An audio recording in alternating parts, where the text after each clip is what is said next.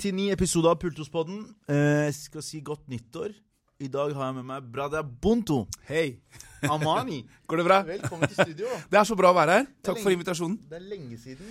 Det er sinnssykt lenge siden vi har hatt en skikkelig prat. Jeg veit det. Du vet, det er en ting eh, du sa til meg Husker du var på Ingerstrand en gang? Ja, For mange ja år det husker jeg. Det er en ting vi snakka om som har liksom alltid sittet i bakhuet mitt. Som jeg har brukt mange ganger. Ja. Og det er Jeg husker du fortalte For jeg spurte deg hvordan er det å leve nede i Sør-Afrika nå. Ja. Så jo, det er det og det og det. Mm. Så jeg meg hvordan det er med kriminalitet og sånne ting. Ja. Så, så opp, fortalte du om en episode du opplevde, hvor eh, trafikken begynte å sakne, og så kjøre forbi et sted hvor det, er en mann som har blitt skutt i huet eller noe. Ja. De som satt i bussen, ja. alle liksom satt og leste avisen eller boka si eller Mm. noe, og de så og så bare og så ferdig. Ja. Mens du var i sjokk. Ja. Og vi resonnerte med det, da, eller begge det vi satt igjen med, var at når folk, mennesker da, generelt, opplever en ting Mm. eh, mange ganger, typ sorg, eller noen blir skutt, eller voldsomme noen, ting, Ja, ja. voldsomme ting, så Mm. blir det en vanlig, vanlig sak for hjernen. For hjernen har prosessert den, og så er du ferdig med det. Mm. Og den, i, i den sammenheng så har jeg brukt det du fortalte Ja, meg okay. mange ganger. Så bra. Jeg husker faktisk her, samtalen. Her er, her, er, her er mannen som har Som du går rundt og kolter? ja, men det er bra å høre. Hva skjer, hva skjer Hva gjør du her i Norge? Nå er jeg på besøk fordi Eller som regel når jeg er i Norge. Jeg flytta jo til Sør-Afrika for 18 år siden. Så det er, lenge, det er lenge siden. Så når jeg er i Norge nå, så er det fordi jeg er invitert. Eh, og det er en organisasjon i Norge som eh, bruker meg mye som eh, foredragsholder til eh, en del av de kursingene de gjør. De fleste kursingene er utenfor Norge, men så er det kanskje en eller to i året som er i Norge. Mm. Og da kommer jeg, og så utvider jeg oppholdet litt lenger, så jeg får prata litt med andre og f.eks. kan komme hit. Hvem, er en organisasjon? Kan, kan Det er Norek, eh, som het Fredskorpset før. Eh, de, det, er utvekslings, eh, det er et utvekslingsprogram som hovedsakelig er mellom Norge og en del Afri land i Afrika, Asia og Latin-Amerika. Så jeg har eh, vært konsulent eller foredragsholder for de kanskje sju år nå. Og så de to siste årene så har de invitert meg til kurser de også har i Norge. Så du får reist litt, altså? Jeg får reist litt, ja. Det er, og det, gjennom det programmet så har jeg jo også blitt godt kjent med, eller fått mye bra kontakter i Uganda. Eh, og litt i Etiopia, f.eks. Mm. Så det har også vært veldig, veldig spennende. Men hva snakker dere om når dere er der ute? På de kursene? Ja, så hva, hva er temaet? Ja? Ok, så de har et utvekslingsprogram. Eh, et for profesjonelle, altså folk som jobber med Som er advokater eller jobber med journalistikk, f.eks. Mm. Og så lager de en exchange med en partner i et annet land. Ofte, Det er mye sør-til-sør-utveksling også, da, som jeg syns er veldig bra. At det ikke nødvendigvis bare er å reise til Vesten, f.eks., men det kan være at du er fra Uganda og reiser til Kenya, eller Kenya reiser til Etiopia, og, og sånne ting. Det er ikke det derre folk som reiser en uke til Afrika holder et barn og sier Nei. ja, vi har vært Nei, nei, nei. redd. Nei, det er ikke det i det hele tatt. og det er, det er en del regler også for hvordan du kan få penger til å gjøre en utveksling. Mm. Så det kurset jeg har, da, handler om eh, urettferdighet. Hvorfor er det som urettferdighet i verden? Mm. Global injustice heter det. Så da har jeg en dag, eh, som regel, for å snakke om det, og for å prøve å trekke inn perspektivet både på Da tar jeg f.eks. patriark patriarkalske kulturer, jeg tar opp eh, rasisme, jeg tar Mm. opp eh, white supremacy, jeg tar opp eh, kolonisering og den arven da, etter mye av de store omveltningene som har vært i verden. Og fortsettelse av den der utnyttelsen av Afrika Ja. med hvite selskaper. Ja, nettopp. Og så prøver jeg å få en ganske sånn konfronterende dialog med folk. Eh, og det, det synes, det er, det er interessant for meg, da, fordi jeg på en måte, særlig når jeg bodde i Norge, så følte jeg ofte at jeg representerte det som folk oppfatta som veldig ekstremt og veldig sånn hardtslående, og det skulle være veldig mykt og forsiktig, og det har jeg aldri jeg stått for, liksom. Mm. Men så er det kanskje verden også utvikla seg litt, at man er litt mer åpen for en litt Mm. mer sånn bastant eh, meninger. Og dette er liksom et eksempel på et prosjekt som inviterer meg hvor jeg kan alltid være meg selv, da. Og det er det ikke alltid jeg opplever. Du er ikke en så stor trussel allikevel. Nei, nå er jeg tydeligvis ikke det. Så det er bra.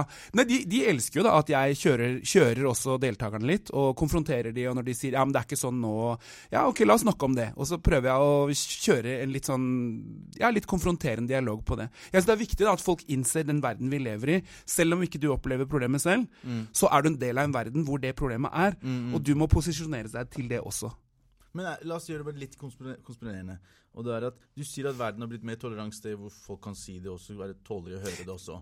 Men er det for at kanskje det er litt likegjeldighet også? Hva faen kan du gjøre med det? Ja, helt sikkert. Jeg prøver, nei, jeg tror ikke det er det at nødvendigvis er et stort engasjement, engasjement. Men jeg tror at min opplevelse før da, var at de som inviterte meg til debatter og til eh, å sitte på paneler og sånn, var veldig, de syntes det var viktig å ha en litt sånn myk og balansert profil. Mens nå har man kanskje bare blitt mer vant til det. Betyr kanskje ikke at folk er noe mer engasjert og gjør så mye mer med urettferdigheten, men man har kanskje blitt mer tolerant og åpen da, for å ha en litt mer sånn sprikende dialog, og at man også Jeg vet ikke om det er det at folk setter pris på det, eller bare sånn Se på han, han snakker veldig, han snakker veldig hardtslående. var Kanskje det er sånn- underholdende for noen, jeg vet ikke. Første gang du kom ned og bare Du, du må ta det rolig neste gang. Ja, jeg har, blitt beta- jeg har blitt bedt om å ta det rolig veldig mange ganger. Eller ofte, eller ofte så har jeg opplevd at jeg blir invitert til en organisasjon én gang, og aldri mer. For de som ikke vet hvem du er. Du bodde i Oslo for 18 år siden, Stemmer. Og du stiftet noe som heter African Youth, Youth? in Norway. Ja. Akkurat. Ayin. Det starta Du har alltid vært en sånn derre bråkmaker. Bråkmakerkjemper.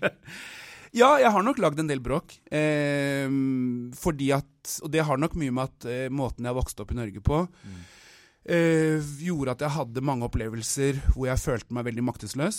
Og følte at det jeg representerte, og det folk så i meg, var veldig det, var ikke, det var mye hat da, på Afrika og på afrikansk bakgrunn og mange stereotyper og sånne ting.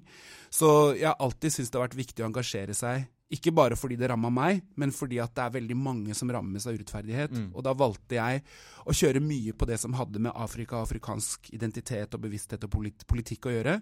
Fordi jeg så at det var ikke mange andre som gjorde det. Så det var noe av grunnen til at African Youth starta i 1995. Var det derfor du dro også? Og derfor jeg dro også. Vet du hva, Det er ikke tull engang, men når jeg, når jeg starta African Youth, når jeg var helt bevisst, og det var i 1994, da tok jeg valget fordi da hadde jeg nettopp vært i Sør-Afrika på en slags utveksling eller feltarbeid i 1993. Og når jeg kom tilbake, så var det ikke snakk Jeg skal aldri fortsette å bo i Norge. Sånn var jeg da. Men så tenkte jeg jeg har vokst opp i Norge, og jeg representerer en slags bevissthet rundt det som jeg ikke ser så mange andre afrikanere snakker om. Så kanskje jeg må betale meg selv ut. Men jeg, jeg tenkte jeg må liksom, Det er noe jeg må gjøre i Norge før jeg kan liksom tillate meg å bare dra. Fordi hva var poenget med at jeg skulle vokse opp i Norge hvis jeg bare kommer ut med en en eh, avslutning at jeg bare har ikke, jeg har ikke hatt noe fint her. Jeg har ikke, jeg har ikke trivdes i Norge, liksom. Hva skulle alt det jeg har gått gjennom og alt jeg har opplevd, være nyttig for? Og da tenkte jeg jeg har lyst å til, eller jeg har lyst å gi fem år av livet mitt Det høres veldig, ja, det var, hørtes litt kleint ut, egentlig. Men jeg, til å, så, men jeg hadde lyst til å, å, å, sette av fem år da, til å starte noe for afrikanske ungdommer i Norge. Spesielt for ung, ungdom med afrikansk bakgrunn og familie med afrikansk bakgrunn. Fordi jeg så et stort behov. Og jeg snakka mye med folk som var veldig frustrert og syntes at det var veldig store behov i det afrikanske miljøet. Og, men hele tiden så var Da hadde jeg liksom målet mot at i 2000 så flytter jeg. Og i 2000 flytta jeg. Men eksisterer de fortsatt? Nei. Så det er en lang historie, da. Men, men eh, African Youth har liksom hatt en storhetsperiode sånn rundt 90-tallet og 2000. Og så begynte det å bli veldig vanskelig, fordi mye av det hadde også med at å være leder for African Youth, og det var jo min erfaring også, at det tok veldig mye tid. Og vi fikk jo, eh, African Youth fikk jo etter hvert noe ressurser og noe eh, penger og sånn, Midler, ja. midler, men det ble veldig hardt å drive med African Youth, liksom. Og jeg tror nok at leder Det har jo vært liksom fire som har sittet i førersetet over årene. Eh, og jeg tror alle av de opplevde å brenne seg ut på en eller annen måte. Og det er en veldig sånn dårlig ting å overta en sånn type lederstil, da. Så til slutt så bare kjørte det litt ned. Det er vanskelig å unite um, alle landene? Vet du, Det var egentlig ikke det største problemet, fordi African Youth har aldri hatt en idé om at alle må være med. Eh, det var nok mer det at det er så mange behov, og at det å sitte i førersetet for African Youth har liksom, da må, du være, da må du levere faglig, da må du levere sosialt. Du blir kritisert innad i det afrikanske miljøet, du blir, du blir sett på litt rart i det norske miljøet eller i det, offentlige, i det offentlige Norge. da. Så du må representere veldig mange ting. Du må være flink til å prate, du må være flink til å skrive, flink til å ordlegge deg, flink til å vite teoretiske standpunkter, politiske standpunkter. Du blir oppringt for alle mulige ting, fra barnevernssaker til situasjonen i Kongo til liksom masse ting. Så jeg tror det, ble, det var vanskelig da å snevre det inn og gjøre det. levelig på en måte for en leder. Ja, for Eventuelt så måtte man ha mer midler for å kartlegge. altså Du tar av Ja, det, og du rett og tar slett. av Kongo-delen. og- Ja, ikke sant? Men så falt jo ofte midlene litt under litt sånn type storbymidler og fritidsaktiviteter og litt sånne ting. Det var ikke liksom sett på, kanskje i hvert fall fra det offentlige Norge, som et tungt faglig prosjekt. Mm. Men innad så opplevde jo vi at det utviklet seg til å bli det. Mm. Men hva var det som skjedde med at du falt for Sør-Afrika? Altså, det Ja, det er en interessant historie.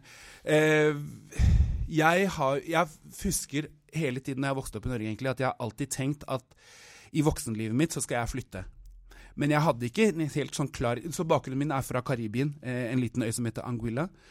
Eh, og hele familien min bor Eller ikke hele familien min, men ingen i min biologiske familie bor i Norge. da. Mm. Så jeg kom også til et standpunkt hvor jeg på en måte ikke hadde noen sånn grunn, da, som biologisk sett eller familierelatert, til å, til å fortsette å bo i Norge. Jeg hadde ingen jeg måtte liksom ha et eh, ansvar for. Og så var jeg i Sør-Afrika i 1993 som en del av utdannelsen min. Eh, så tok jeg feltarbeid der. Og det var et banebrytende år i mitt liv. For da ble jeg konfrontert med så veldig mange ting. Standpunkter, jeg, hva jeg mente om politiske spørsmål. Jeg hadde jo liksom opparbeida meg mye kompetanse på politikk, men det, ble, det, det var liksom et, en, en slags skillevei, da. Heter det skillevei? Ja, kan si det. Ja. Det er noen ord jeg ikke husker helt hvordan man uttrykker, men det var iallfall et veldig viktig år for meg. Og da når jeg kom tilbake og jobba med African Youth, så visste jeg Jeg hadde vel ikke bestemt meg for at jeg skulle flytte til Sør-Afrika, men jeg trodde vel lenge, veldig lenge at jeg ville flytte til Vest-Afrika, fordi det er der jeg vet at vår familie også har sitt opprinnelige opphav fra. Eh, men så ble det på en måte Sør-Afrika av en del ulike årsaker. Både at jeg hadde et nettverk der, at jeg Ja. Hvor gammel var du når du, når du fikk den skilleveien? Den skilleveien den kom jo i 93, kanskje. Og da Hvor gammel var jeg da? 25-26? Noe sånt. Såpass. Du var fortsatt veldig ung, da. Ja. Og så startet African Youth rett etter det. Og så var jeg kanskje 30 da når jeg flytta til, eh, til Sør-Afrika. Til Sør-Afrika. Ja. Og der trives du. Der trives jeg veldig godt. Og det er ikke fordi at det er så lett å bo der. Det er mange ting som gjør at det er, livet er komplisert. Det er mange ting man må være obs på og På sånne ting. må, Nei, men det mener jeg at det er et land hvor det er en veldig sånn Hva skal jeg si, I Norge så behøver man ikke alltid forholde seg til den store urettferdigheten, spesielt hvis den ikke rammer deg sjøl. Mm. Men i Sør-Afrika så er man konfrontert med den på alle kanter. Eh, det, det, altså, hva skal jeg si eh, Arven eller, eller spøkelsene som henger igjen etter apartheid, er så, er så voldsomme. Den store splittelsen mellom hvem som har penger og hvem som ikke har. Den store fattigdommen. Eh, de, de store sånn eh, forskjellsbehandlingsmekanismene som fortsatt er der på arbeidsmarkedet, på i hvem som, hvem som, hvem som kan gjøre noe med livet sitt, hvem som har makt. det kan ikke sammenlignes med kaster, altså. På en måte. Eh, Men det er men farge, det, det er farge det er, det er, hva skal jeg si Jo, det er, det er egentlig litt interessant at du trekker inn det med kaste, fordi det var jo veldig hvit, altså hvite og svarte. Det var liksom, det var liksom skillelinja. Mens nå er det jo også veldig mange svarte som på en måte har kommet seg litt innenfor, da, som sitter i regjering, som eh, sitter som direktører av banksystemer og sånne ting. Men det betyr ikke nødvendigvis at svarte har mye makt. Det er noen få som på en måte har kommet seg inn, og da blir de en slags buffer da, for, hvite, for jeg si, svarte, privilegerte eh, minoritet som har fått noe makt og noe penger.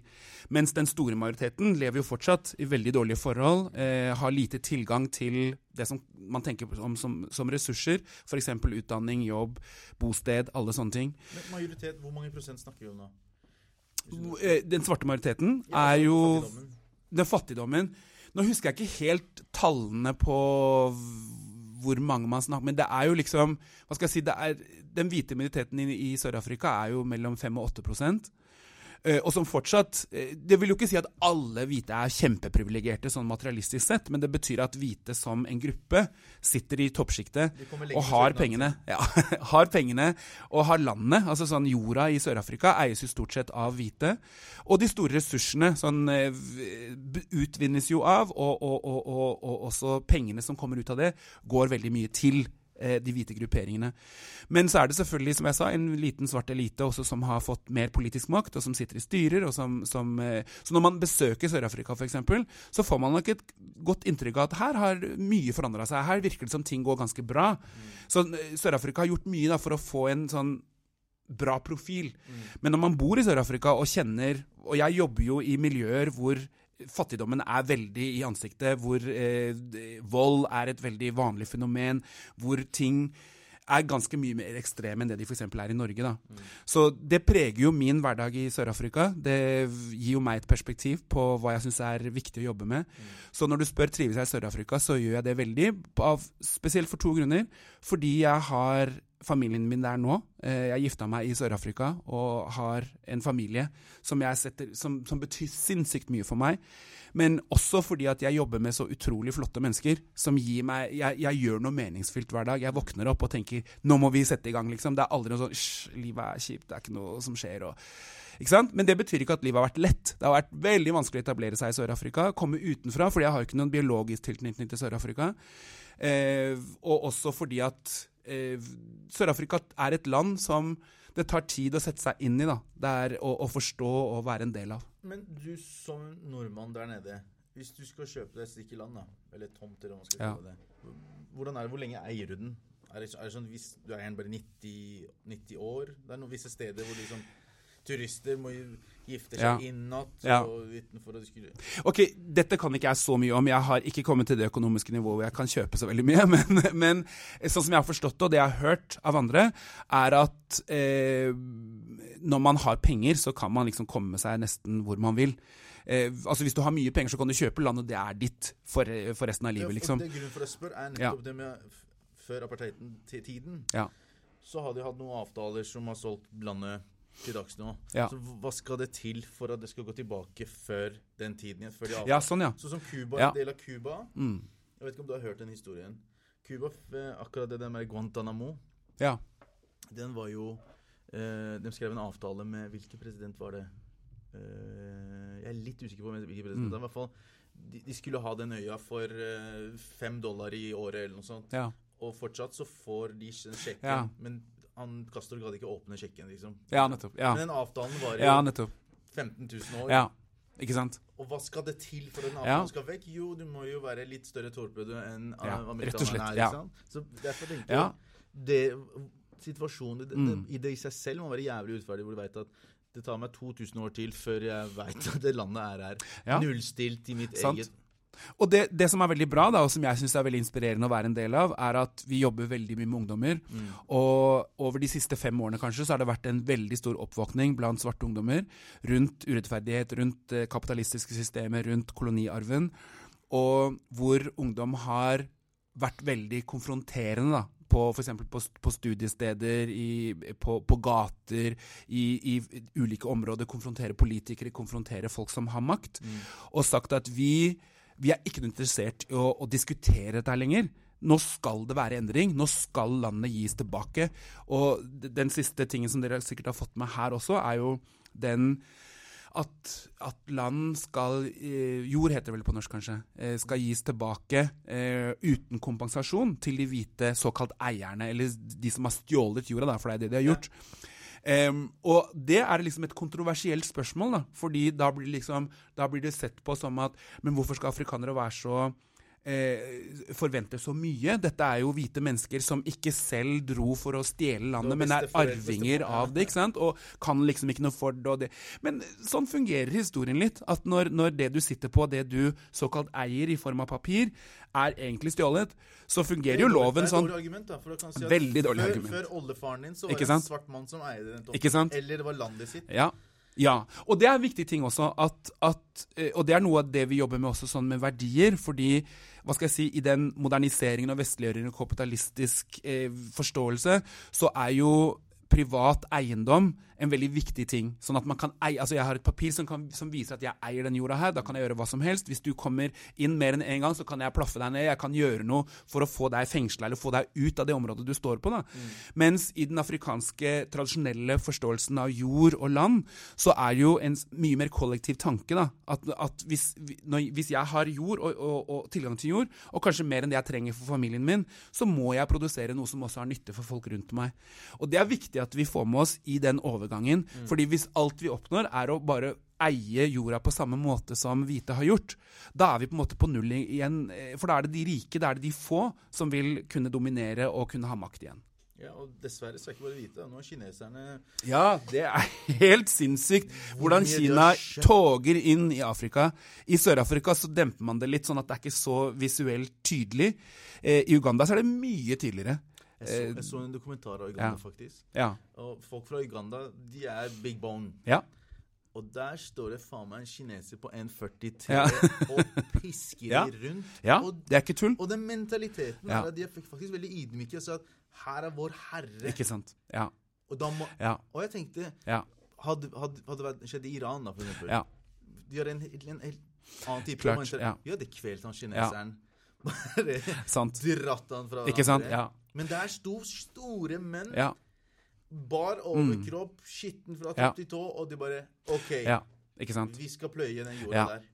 Og det er et veldig godt bilde som, som ofte trenger forklaring. fordi mm. når man ser på det først, så tenker man hvorfor er de så svake? Hvorfor lar de seg, hvorfor lar de seg eh, eh, hva, hva, heter det?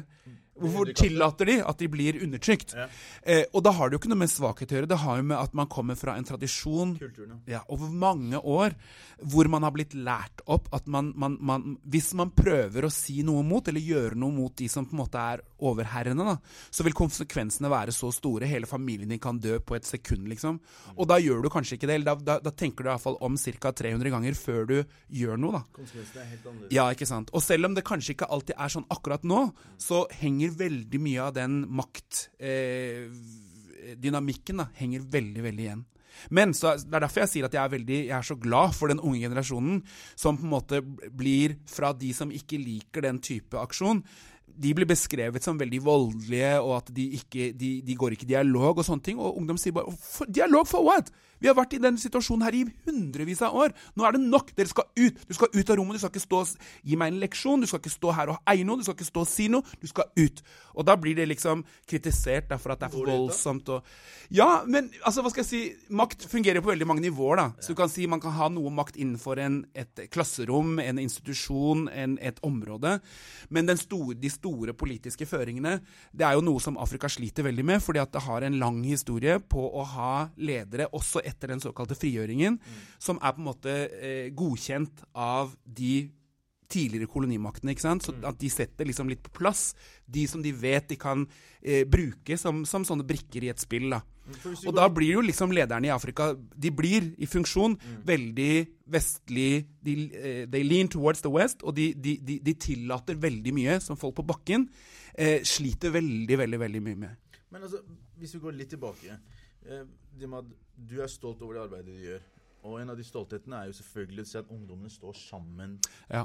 At de ikke plaffer hverandre, enn heller går mm. løs på det som er virkelig ja. rett, urettferdig. Men tror du ikke det kommer til å ta noen Ja, hva skal vi kalle det? Lang tid? 40, lang tid. Oh, ja. Før altså det, det Virkelig ser, endring? Virkelig, jeg, jeg, tenker ja. til og med de eh, La oss si det, nå setter jeg veldig, mm. grupperer jeg veldig, da. Ja. Det er dessverre grupperinger. De svarte som jobber for mm. regjeringen også, ja. de blir jo nesten for den der samme eh, ja, kvaliteten som de hvite. Absolutt. absolutt. Og det blir en slags sånn entitlement, da, at hvis du har en inntekt og, og? Måten det skjer på, er at du Endelig så får du deg utdannelse, og det selvfølgelig så ønsker du å få den utdannelsen, selv om mange andre ikke får det. Så tenker du jeg skal iallfall få det. Mm. Får du utdannelse, så får du jobb. Så begynner du å tjene litt, så kjører du deg bil, så kjøper du deg hus i et strøk som du vanligvis egentlig ikke hadde tilgang til. Mm. Og så blir du veldig opptatt av å beskytte verdiene dine, og så, er det, og så er det folk som ikke får jobb, som bryter seg inn og stjeler ting. Og så får du veldig problemer med at det skal være sånn, og så kjemper du mot det. Mer enn kjemper mot systemet, ikke sant? Er arbeidsledigheten høy? Veldig høy. Okay, men tenker ikke de hvite at det er på tide å skape arbeidsplasser slik at de får mindre press på seg også? Eller er de såpass komfortable? De sitter veldig komfortable. Jeg sier noen ganger, når du, når du går rundt og ser på hvordan hvite mennesker tar plass i Sør-Afrika, så ser du også at de stresser ikke det hele tatt. De er på kafé, liksom, og de går rolig rundt i gatene. Selvfølgelig kanskje ikke de områdene hvor de vet at det er med, med, høy kriminalitet, da. Mm. Men i shoppingsentre, på kafeer, på liksom steder hvor de føler seg trygge, så regjerer de. De, de, de, og, det, er interessant, da, for det bare gir også en slags sånn indikasjon på hvordan de ser livet sitt i Sør-Afrika. Og det var ikke lenge siden det var en demonstrasjon mot eh, den forrige presidenten, eh, Jacob Zuma. Mm hvor eh, mange hvite gikk i tog og sa dere som sier at dere skal ta landet tilbake, husk hvem som gir dere brød. Husk hvem som gir dere mat. Bare husk det. Det er Django, jo. Ja ikke, ja, ikke, sant? Og det er jo en sånn skikkelig trussel som ligger under. Gå ett skritt videre og se hva som skjer. liksom. Se om det er mat i butikken. Se om du, om du kan føde barna dine. Ukultur i ukultur. Ja. Ja. Og det som, er, det som er litt morsomt, da Norge sliter ikke akkurat med det. Nei, ikke akkurat. Men en ting Norge, fra mitt synspunkt, da, sliter med, det er at det begynner å bli litt i-kultur i kultur her òg. Ja. Det kan, det, kan, det kan, sammenlignes på, på hvilken måte da? Altså, Man kan jo si at ungdommene som har falt utenfor, er veldig um, ja. utakknemlige og alle de greiene her. Ja. Men det her har ikke noe med kun utakknemlighet det har noe med kultursetning å gjøre. Ja. Sant. Og jeg tror man må våkne og se hvor man skal bruke midler, og hvordan man bruker ja. de midlene. Ja. Og det, igjen, det samme er det sikkert med Sør-Afrika. altså Du må putte midler for at arbeidsledigheten skal gå ned, for at det skal mm. bli mindre kriminalitet. Samme er det med Norge også. Ja, det er sant. De som er oppegående, mm. de veit at de skal ta høyere utdannelse. De som ja. kommer fra eh, familier som har det vanskelig, Ikke sant? Ja. de veit ikke hvordan de skal sisselsette. Det er sant. Og da er det opp til folk mm. som deg og meg og som har jobbet i det feltet, skal si ja. ok, her, her, trengs det å gjøre det sant. slik. Men det er jo interessant også når du sammenligner litt med Norge, fordi som du sier, det kan ikke direkte sammenlignes, men det at Norge er lite, da, mm. gjør også at med den økonomiske makten Norge har tilgang til, så klarer de også å dekke over veldig mange av de tingene som virkelig buldrer nede. Så, så igjen, når du besøker Norge, det har jeg opplevd, jeg har hørt fra flere som på en måte ikke ser noe av problematiske ting, ikke ser noen som på en måte faller utenfor, ikke ser noe sånne store avvik. da. Men det vet jo både du og jeg veldig godt, at det er mange store avvik, det er mange som faller utenfor, det er mange som blir fattige i norsk sammenheng, da, eller hva skal jeg si, i, i sammenheng, i, sett, i, sett i motsetning til det som er flertallet, liksom. Mm. Eh, og det snakkes jo ikke så mye om, og det tas ikke alltid så opp. Og de stemmene forsvinner jo veldig mye. I Norge også. Men problemet er at i Norge så kaller man det luksusproblem. For ja. du, er, du, er, ikke sulten. Ja. Du, du, alle får tak over hodet. ikke sant? Det, altså, jeg tror det er enda tøffere å være et sted hvor det er mye rikdom, ja. og du er fattig, enn et sted hvor du er fattig og alle rundt deg er fattig. Ja, i hvert fall så er det på en helt annen måte. Og du kommer, ja. nå, nå, snakker jeg til norske familier som, mm. er, som har, uh, har, lite. Ja. Men verre er det for mange som kommer inn fra krigsrammede steder, eller man, steder hvor de opplever skikkelig fattigdom, så kommer de og Shit, alle har det. Hvis jeg ikke har det, så føler jeg meg ikke vel å gå rundt. Ja. Jeg må skaffe meg de skoene. Mm. Jeg må ha den iPhonen. Ikke sant. Ja, og det blir jo til, til slutt luksusproblemer. Det er helt sant. Og tiltaket er å si Sånn som jeg snakker til ungdommen. Jeg, mm. okay, jeg, vet, jeg skjønner at du vil ha de tingene. Mm. Veien er ikke å stjele. Gå og skaffe deg en jækla ut utdannelse. Trenger du? Vi er her. Mm. Trenger du tak over hodet? Vi ringer mm. til uh, Hva heter de her, her borte? Skaus um, Hva heter det der studentbolig rett borti her igjen? Anker. Ja. Og skaffer deg, skaffer deg bolig. Ja. Og mulighetene er der, så Og det ser jeg som en stor forskjell fra når jeg bodde her og når jeg er på besøk her, at eh, både utdannelsesnivået, ambisjonene, mm. eh, entreprenørkreftene har blitt way high. Det er, det er, jeg blir veldig stolt av å se hvor mange som på en måte Både fordi de har tatt Hva skal jeg si De har tatt eh, De har um, de har benytta de uh, anledningene som, eller de veiene og dørene som kan åpnes i Norge. Men også fordi de mye har stått og vært veldig sta og, og, og, og fått seg selv frem. Da. Mm. Ikke fordi de har blitt løfta frem, men de har stått og, og kjempa seg selv frem. Og som driver store ting, som gjør store ting, som har tilgang til veldig innovative prosjekter.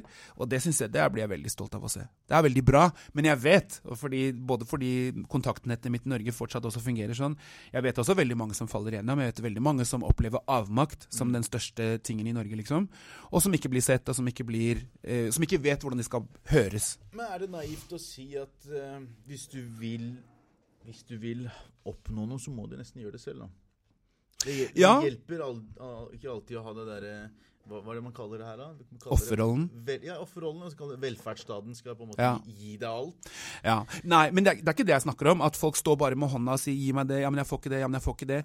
Det er ikke, det er ikke den realiteten jeg ser. i hvert fall. Jeg, nå skal ikke jeg snakke så mye om å beskrive Norge hvordan det er nå, mm. fordi det har ikke jeg så god greie på. Men jeg kan bare si det jeg ser, og da mener jeg at det er veldig mange som Man kan si ja, du må jobbe selv for å få dine muligheter, men det å jobbe selv har ofte også noe med at det er noen ressurser du har fått underveis, enten fra familie, enten du har fått noe inspirasjon. Jeg sier ikke at det er ingen, altså, jeg selv er et eksempel på det. Jeg hadde ikke mange rundt meg i min måte å vokse opp på og gjøre noe med livet mitt.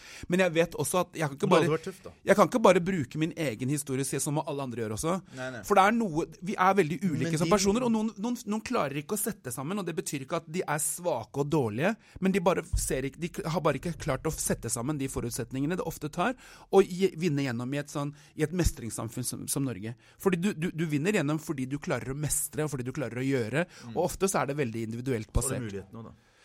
Ja, du har muligheten, men, men, for mange av oss som har kommet inn til Norge, da, som er barn og, og, og familier av folk som har bosatt seg i Norge over, over tre, fire, ti år, mm kommer jo ofte fra, ofte fra, samfunn hvor det kollektive er veldig viktig. Det å stå sammen, det å lære, det å være, ha mange fedre og mødre, f.eks. Mens i Norge så er det veldig sånn mor, far, barn. Deg alene. Du skal gjøre. Du skal flytte ut når du er 17. Du skal liksom klare alt selv.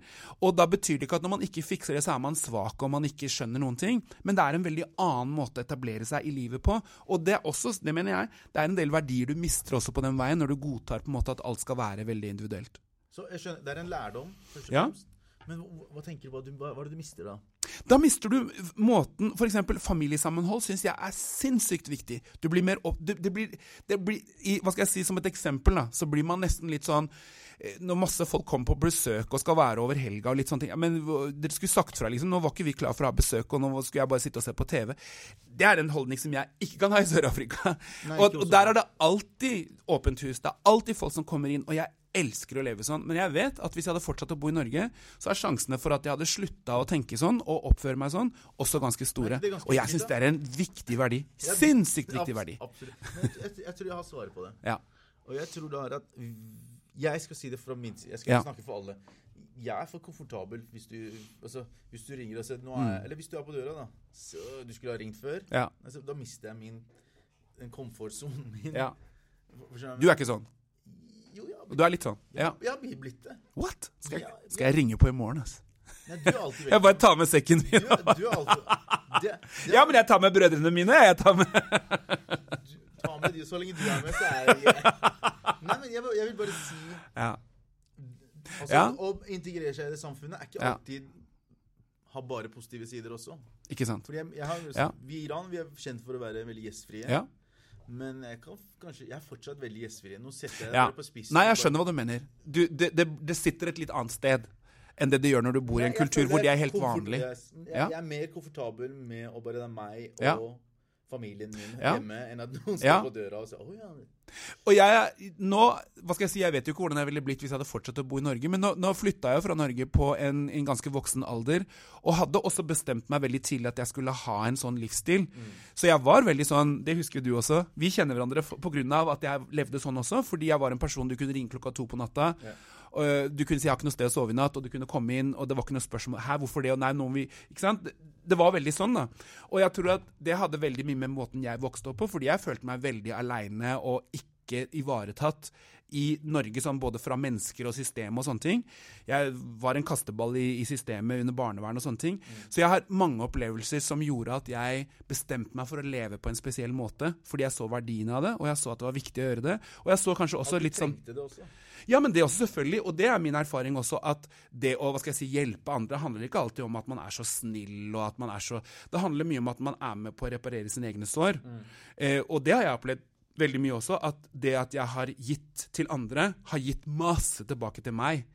Eh, så, så, man skal ikke alltid liksom sette seg fram og si 'jeg er så snill' og 'jeg er så gavmild'. Jeg er så Det handler også, også ofte om at sånne ting gjør at man fyller ut en del ting som har vært vanskelig i seg selv. Men en ting skal du ha, og noen andre, altså et par andre som jeg har møtt gjennom livet også, er at dere har vært en inspirasjon for oss. da. Ja, det er, som, betyr mye å høre. Som, som, har på en måte arvet den. Ja. Bevisst eller ubevisst. Det er mange ja, som går ubevisst og tenker at ja, jeg er sånn fordi jeg er Ja, ikke sant? Jeg, det var så bra. jeg ble sånn. Men det er ikke sant. Ja. Fordi du, øynene dine, så lenge du har øyne og du kan se og du kan høre, ja. så går du til å kopiere konstant. Ja, det er sant. Det er sant. Og det, det, skal dere ha for. Og en annen ting som er veldig morsomt, er, det er morsomt å høre at du sier at du ble kastet rundt av mm. systemet. Ja.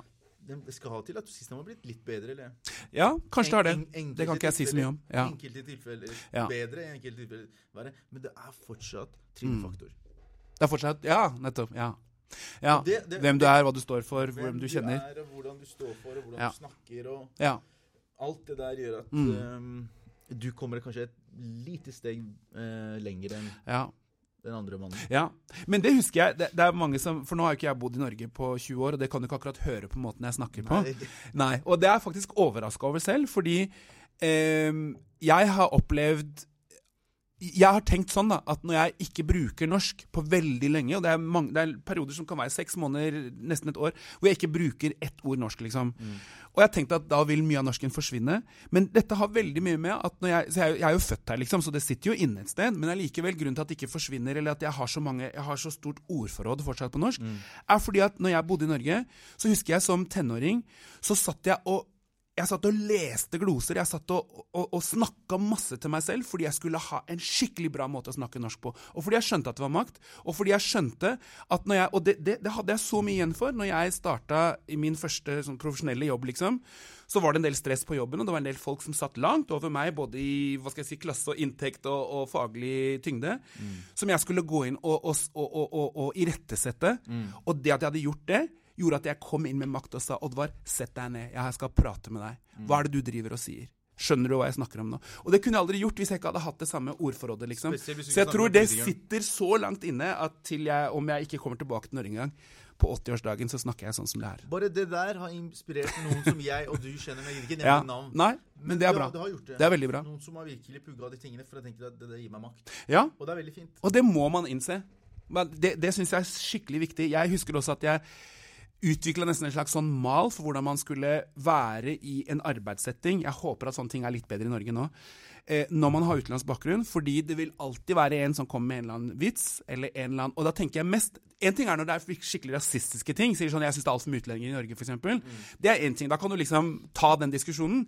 Men når folk sier sånn 'Ja, dere er jo så festlige og fargerike', f.eks., så tenker du Skal jeg si noe på det? Det er jo ikke skikkelig rasistisk, men jeg, han ser jo meg som en apekatt, liksom. Skal jeg Ja, og jeg bestemte meg, jeg skal ta alle ting, men jeg skal ha tre verktøy for det. Så én er litt sånn hyggelig og litt sånn Vet du hva, jeg hørte det du sa, og ikke, ikke si sånn igjen. For da, da, kan det bli litt bråk her. Jeg vil bare si det til deg. Mm. Veldig hyggelig og veldig sånn Ja. Og den, og den neste er kanskje litt, litt hardere, da, å bare si at vet du hva, det der tol tolererer jeg ikke, og sånn snakker du ikke. Og den siste er full bananas. Og noen ganger så må man være bananas. Det mener jeg for å overleve i Norge. I hvert fall så var det sånn for meg. At det å alltid skulle forstå og alltid skjønne Og du, du har ikke truffet utlendinger før, ja? Å ja, du visste ikke at det ikke kunne si neger. Og du visste ikke det. Det er ikke mitt problem.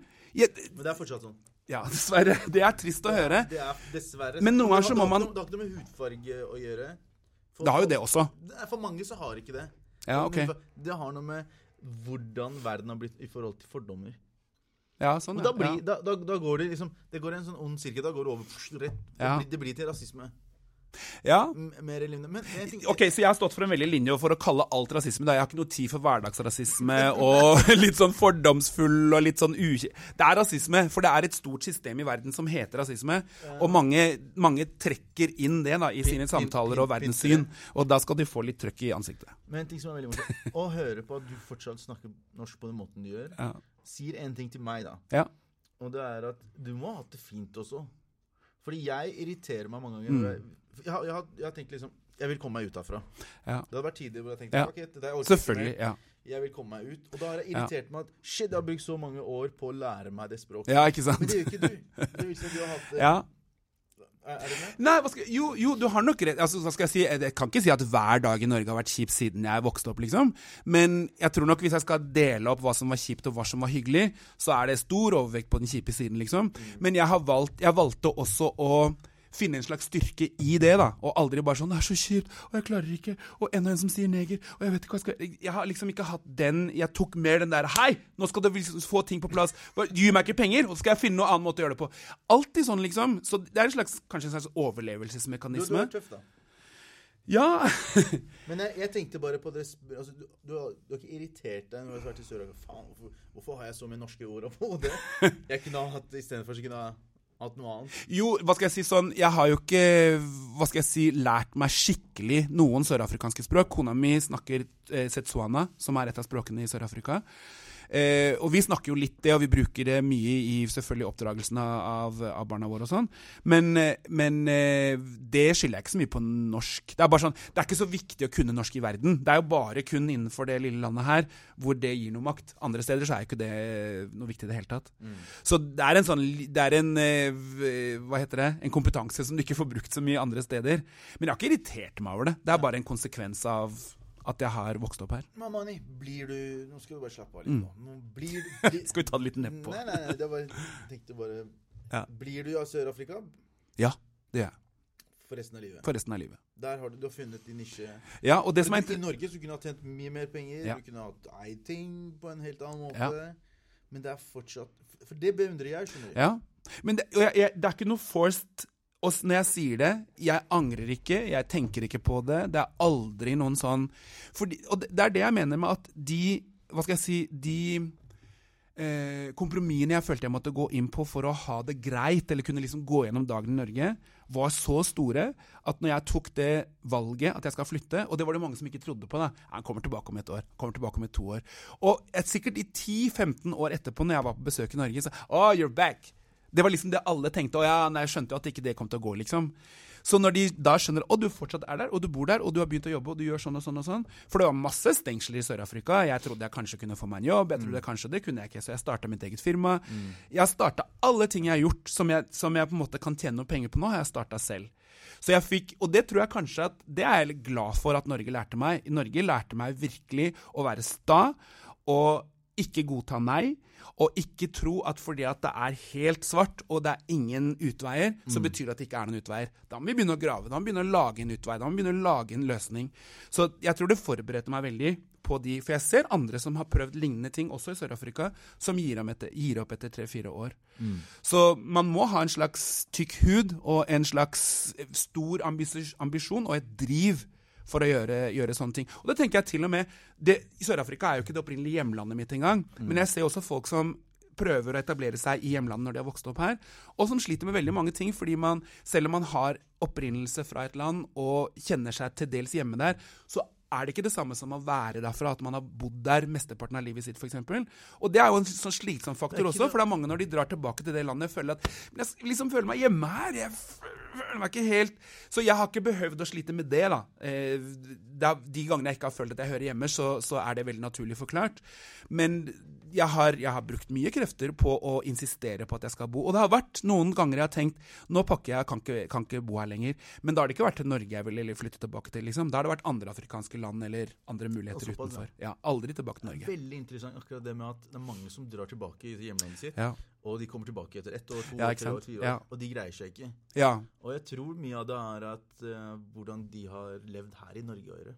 Ja. Og her kan du leke ulv eller noe sånt. Der nede er du blant ulvene. Ja. I, i, også, jeg sier ikke at folket eller kulturen er dårlig. Businessen er helt annerledes. Ja. Det er helt andre regler. Heller, du ja. må stå i kø for ja. det. Du, må, du, opplever mye mer urettferdighet. Og jeg tror de fleste kommer ja. fordi de opplever ting er mer urettferdig der. Ja, det kan godt hende. jeg er helt enig med at du er dritsta. ja, men jeg hjelper gjerne med råd til folk som har lignende planer, fordi det savna jeg veldig. Å kunne ha noen jeg kunne Jeg hadde jo noen som Men ja, nei, jeg hadde egentlig ikke noen som jeg virkelig kunne identifisere meg med da, i den prosessen av å etablere seg. Jeg, helt ærlig, mange her, f.eks., for eksempel, fordi jeg visste at det var mange som tenkte at han kommer ikke til å klare seg. det kommer ikke til å gå. Så jeg ville jo ikke si noe til de om at, om at jeg sleit. Det var ganger jeg ikke hadde noe å spise, det var ganger jeg ikke kunne betale husleie, det var ganger jeg trodde jeg kom til å sove på gata. Mm. Jeg har ikke sovet på gata ennå, men det var like før, liksom. Mm. Og jeg var veldig sta, jeg skulle ikke si det til noen. Til og med i Sør-Afrika, liksom. Så jeg har alltid vært sånn altså, sånn Kanskje du trenger litt penger? Penger, jeg? Hva mener du? Se på meg, alt går bra. Ikke Så jeg har vært veldig stolt. Kanskje litt for mye. Men det har også vært en måte da å overleve på og, og, og insistere på at jeg skal finne en løsning, liksom. Mm. Det er en kompis av meg som vi kjenner, Larry. Ja. Han flyttet jo til, uh, til Thailand. Ja, ok. Og det er mange ganger jeg sier til ham Hva faen er det de gjør der nede? Ja, Bor han der nå? Jeg husker Første året han dro, ja, hvor er fortsatt? Ja. Første året han var der nede, jeg tenkte jeg sa til alle gutta, ja. jeg gir han seks måneder. Ikke sant? Han kommer tilbake. Jeg gir han seks måneder. Ja. Jeg besøkte han nå for en måned siden. Okay. Halvannen måned siden. Ja.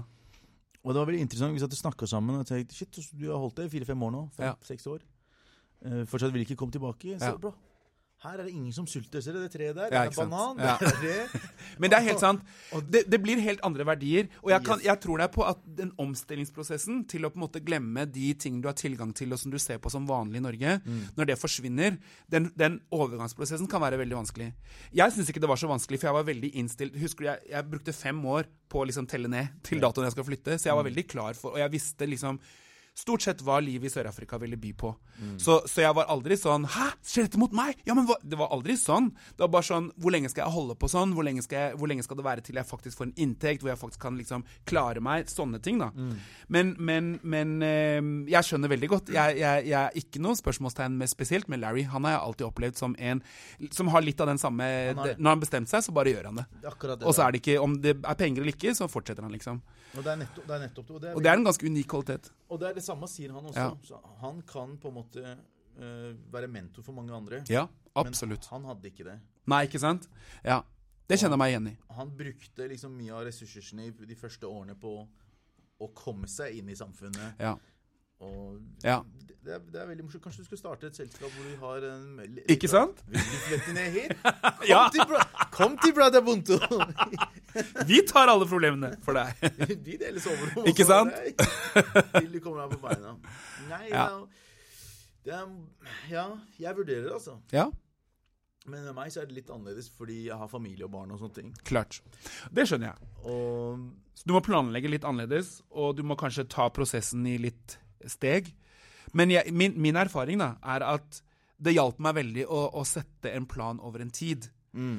Eh, fordi det hjalp meg både med å Både, så, både sånn mentalt å forberede seg, og sånn være klar. Fordi du har helt rett at, at, at livet i Norge gjør at noen ting Du begynner å se det som Du tar det litt for gitt. Og da blir det veldig vanskelig når de tingene absolutt ikke er der, og du må stresse veldig mye for å få noen av tingene på plass. Men nå kjenner jo du hjemlandet ditt Du kjenner hjemlandet ditt godt. Både jeg... sånn kulturelt, og du har kanskje ikke oppholdt deg så mye etter at du flytta? Nei, jeg, jo, jeg har vært der et par ganger, men nei, det har vært korte opphold. Ja, det er det jeg mener. Men jeg må helt ærlig innrømme, ja. og det er at oppveksten min har ikke vært noe enkelt. Ja. Og når du kommer til et punkt hvor ting blir Altså, du har mm. uh, inntekt, og du har ja. fått uh, kjøpt deg trygg Altså den tryggheten som du alltid setter ja. etter, da. Mm. Så jeg klarer ikke å være i en komfortsone. Ja. Jeg lever oh, ja. bedre med meg selv når jeg er en mm. overlevelsesmodus ja, sånn, ja. enn at, at det skal være action. Så for meg å være i Sør-Afrika og må kjempe nå, gjør at jeg lever mer enn at her jeg sitter og får meg føler meg at jeg, blir, jeg råtner. Ja. Det kan jeg relatere til. Og det spørs jo hvor altså, det spørs jo Man kan jo alltid utvikle seg hvis man setter, som du sier, planlegger ting. da. Men, Men, husk at den, den For den, den, den, lever jeg fortsatt med veldig mye nå også, den, den, karikaturen du beskrev nå. Men jeg ser også det at ting forandrer seg veldig når du har barn og kone. Ja. Fordi at eh, ikke de, de har sikkert også eh, Hva skal jeg si eh, selv om du har en kone som også har lignende ønsker for livet sitt, så er det at du må på en måte tenke trygghet, du må tenke framtid, du må tenke utdanning, du må tenke, du må tenke, på en del ting da, for barna dine. Der er vi helt natt og dag. Ja, ok, ja. Så, men, så, så, det er jo en ting. Og det er det da. som gjør det enda vanskeligere. Ja, nettopp, ja. For det har, noe med, det har ikke bare med trivsel å gjøre. Ja. Det har noe med hvordan du er, opp, hvordan du er oppvokst i. Ikke sant? Så hva, du, hva gjør du hvis det ikke blir så aktuelt? Er du innstilt på det? Nei, ja, og, ja, og det er selvfølgelig hva som er best for barna. Ja. Jeg kom, mm. altså, det er lenge siden jeg kom først. Ja, ikke sant? ja, det kjenner jeg igjen. Det, det, er kjempelenge ja, siden. Selvfølgelig. Og jeg, jeg, ser jo på Norge som at det er et veldig trygt sted. Ja. Men, men, du kan jo inngå kompromiss, og jeg tror det er en løsning, del løsninger som jeg ser noen unge i Norge gjør nå også. At de f.eks. setter opp et partnerfirma mm. i hjemlandet og gjør noe arbeid, eller setter i gang en prosess over et år eller to. Og så bor de kanskje ikke der mestedelen av året, men de har noe på gang og som gir de både For det, det, er viktig for barna, fordi da blir det lettere, fordi du har noe å gjøre i landet. Det blir lettere for de også å ha en nær tilknytning, mm. tilknytning, til det landet de ikke er født i. Men, men det, gjør, det, hjelper også deg da, at du får noe utløp for den, det du savner med å være så langt borte fra en realitet du også ønsker å være en del av. Nei, altså Det kunne vært realitet hvis Iran gikk i den samme retningen som Obama gjorde. Ja. Han løfta sanksjoner. Ja. Nei, nei, no, Iran er ja. Vi er eh, Selvfølgelig. Vi er på der, vei til å bli Syria. Ja. ja. Virker, virker, det som, da. Så. Og da er det litt vanskeligere også å presentere det på familiemøte. Hvorfor den flyttinga skal skje, liksom. Det skjer, det, det, det skjer ikke. Ikke sant? Men Amani, ja. resten må vi ta vi privat. Ja, det kan vi ta privat. Eh, tusen takk for at du var med. Tusen takk for at du hørte gadd komme på studio og ha denne episoden med meg. Det er så hyggelig å bli invitert. Og takk for at du gjør det her. Dette her er jo stor inspirasjon. Så takk, takk for meg. Tusen takk. Vi ses neste uke. Ciao, ciao. Slå av det nå. Så yes. er vi off record igjen. Så bra. Hvordan, og hva skjer nå, liksom?